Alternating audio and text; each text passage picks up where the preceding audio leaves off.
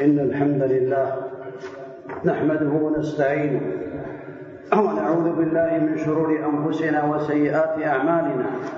من يهده الله فلا مضل له ومن يضلل فلا هادي له وأشهد أن لا إله إلا الله وحده لا شريك له وأشهد أن محمدا عبده ورسوله صلى الله عليه وعلى آله وأصحابه وسلم تسليما كثيرا. عباد الله اتقوا الله تعالى وراقبوه في السر والعلن تفوزوا بسعادة الدنيا وسعادة الآخرة. عباد الله إن أعظم الواجبات التي أوجب الله تعالى على عباده الإخلاص لله تعالى في الأعمال والأقوال والنيات وهذه الخصلة وهذا العمل هو حق الله تعالى على عباده.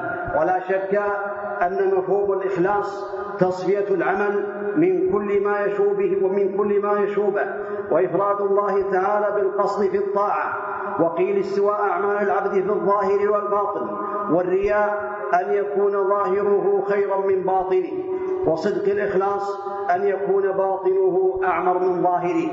ولا شك أن الله تعالى قد أمر بذلك عباده ولهذا قال القاضي عياض رحمه الله تعالى ترك العمل من أجل الناس رياء والعمل من أجل الناس شرك والإخلاص أن يعافيك الله تعالى منهما. قد أمر الله تعالى بهذه العبادة الخالصة فقال تعالى وما أمروا إلا ليعبدوا الله مخلصين له الدين حنفاء وقال سبحانه فاعبدوا الله مخلصين فاعبدوا الله فاعبد الله مخلصا له الدين. ألا لله الدين الخالص. قل إن صلاتي ونسكي ومحياي ومماتي لله رب العالمين. لا شريك له بذلك أمرت وأنا أول المسلمين. ولا شك أن الله تعالى قد أكثر من أمر الناس بالإخلاص لله تعالى ولهذا قال النبي قال الله تعالى تبارك الذي خلق الموت والحياة ليبلوكم أيكم أحسن عملا. قال القاضي عياض رحمه الله تعالى قالوا قال هو أخلصه وأصوبه. قالوا يا أبا علي ما أخلصه وأصوبه؟ قال إذا كان خالصا ولم يكن صوابا لم يقبل وإذا كان صوابا ولم يكن خالصا لم يقبل حتى يكون خالصا صوابا. والخالص أن يكون لله والصواب أن يكون على السنة ثم قرأ فمن كان يرجو لقاء ربه فليعمل عملا صالحا ولا يشرك بعبادة ربه أحدا. ولا شك أن الله تعالى قد قال في ذلك من أحسن دينا ممن أسلم وجهه لله وهو محسن. فإسلام الوجه لله تعالى إخلاص القصد والعمل والإحسان فيه متابعة النبي عليه الصلاة والسلام. من كان يريد ثواب الدنيا فعند الله ثواب الدنيا والآخرة. وكان الله سميعا بصيرا. الذي يريد الثواب في الدنيا فعليه أن يعلم بأن الثواب من الله تعالى في الدنيا كذلك والآخرة فعليه أن يخلص العمل لله تبارك وتعالى. وثبت في الحديث الصحيح أن النبي عليه الصلاة والسلام قال ثلاث لا يغل عليها لا يغل عليهن قلب مسلم إخلاص العمل لله ومناصحة ولاة الأمر المسلمين ولزوم جماعة المسلمين فإن دعوتهم تحيط من ورائهم أو كما قال النبي صلوات الله وسلامه عليه. ولا شك أن النبي عليه الصلاة والسلام قد بين لنا مكان النية الصالحة والإخلاص فقال عليه الصلاة والسلام إنما الأعمال بالنيات وإنما لكل امرئ ما نوى. قال الله تعالى معظما الإخلاص لله تعالى والرغبة فيما عند الله تعالى لا خير في كثير من نجواهم إلا من أمر بصدقة أو معروف أو إصلاح بين الناس ومن يفعل ذلك ابتغاء مرضات الله فسوف نؤتيه أجرا عظيما تفخيم لهذا الأجر العظيم إذا كان عمل هذه الأعمال ابتغاء مرضات الله تعالى فسوف نؤتيه أجرا عظيما ولا شك أن النبي عليه الصلاة والسلام قد بين لنا أن الإنسان إذا كان مخلصا في عمله فإنه يكتب له ما نوى حتى وإن لم يعمل. وإن لم يعمل هذا العمل لقول النبي عليه الصلاة والسلام إذا مرض العبد أو سافر كتب له ما كان يعمل مقيما صحيحا رواه البخاري. وقال عليه الصلاة والسلام ما من امرئ مسلم ما من امرئ تكون له صلاة بليل فيغلبها عليه نوم إلا كتب له أجر صلاته وكان نومه عليه صدقة وهذا من فضل الله تعالى على المخلصين. من سأل الله الشهادة بصدق بلغه الله منازل الشهداء وإن مات على فراشه بصدقه وإخلاصه ورغبته فيما عند الله تبارك وتعالى.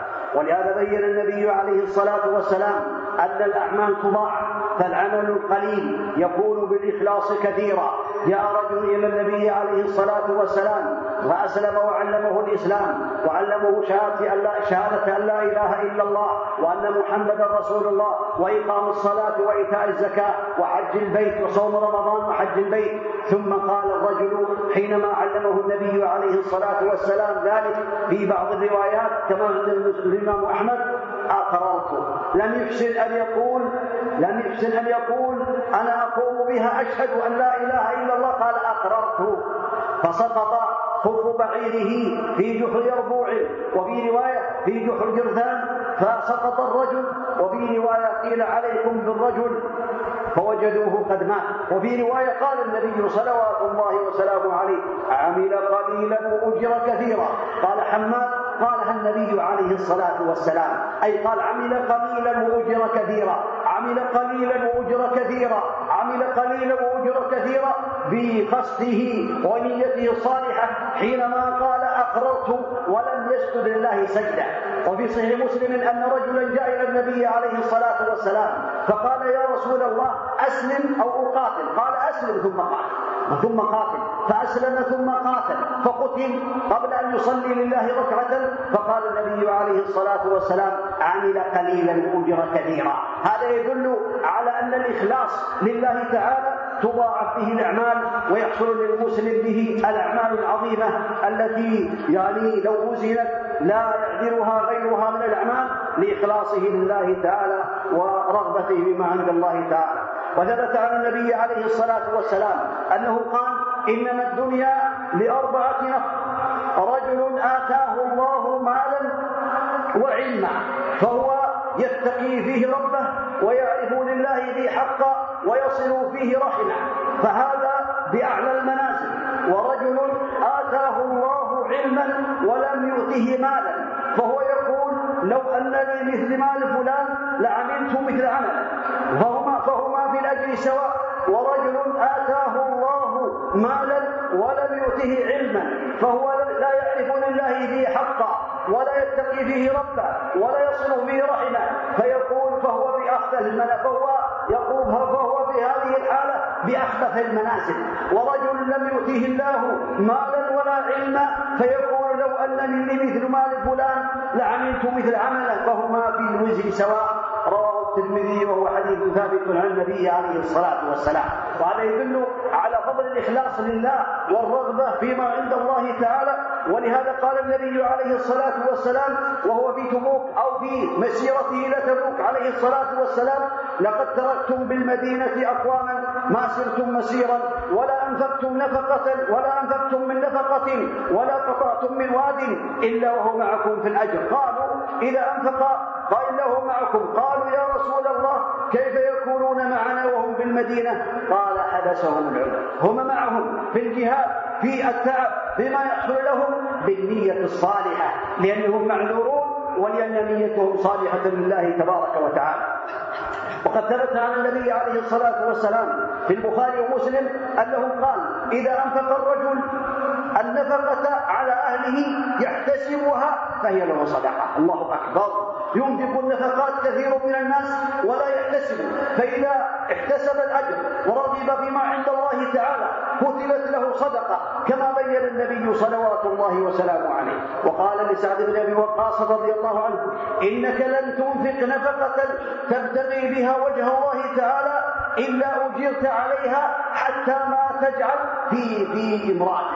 هذا يدل على فضل الله تعالى على المخلصين الذين يبتغون وجه الله تعالى. ولهذا قال النبي عليه الصلاة والسلام إن الله كتب الحسنات والسيئات ثم بين ذلك فمن هم بحسنة فلم يعملها كتبها الله له عنده حسنة كاملة.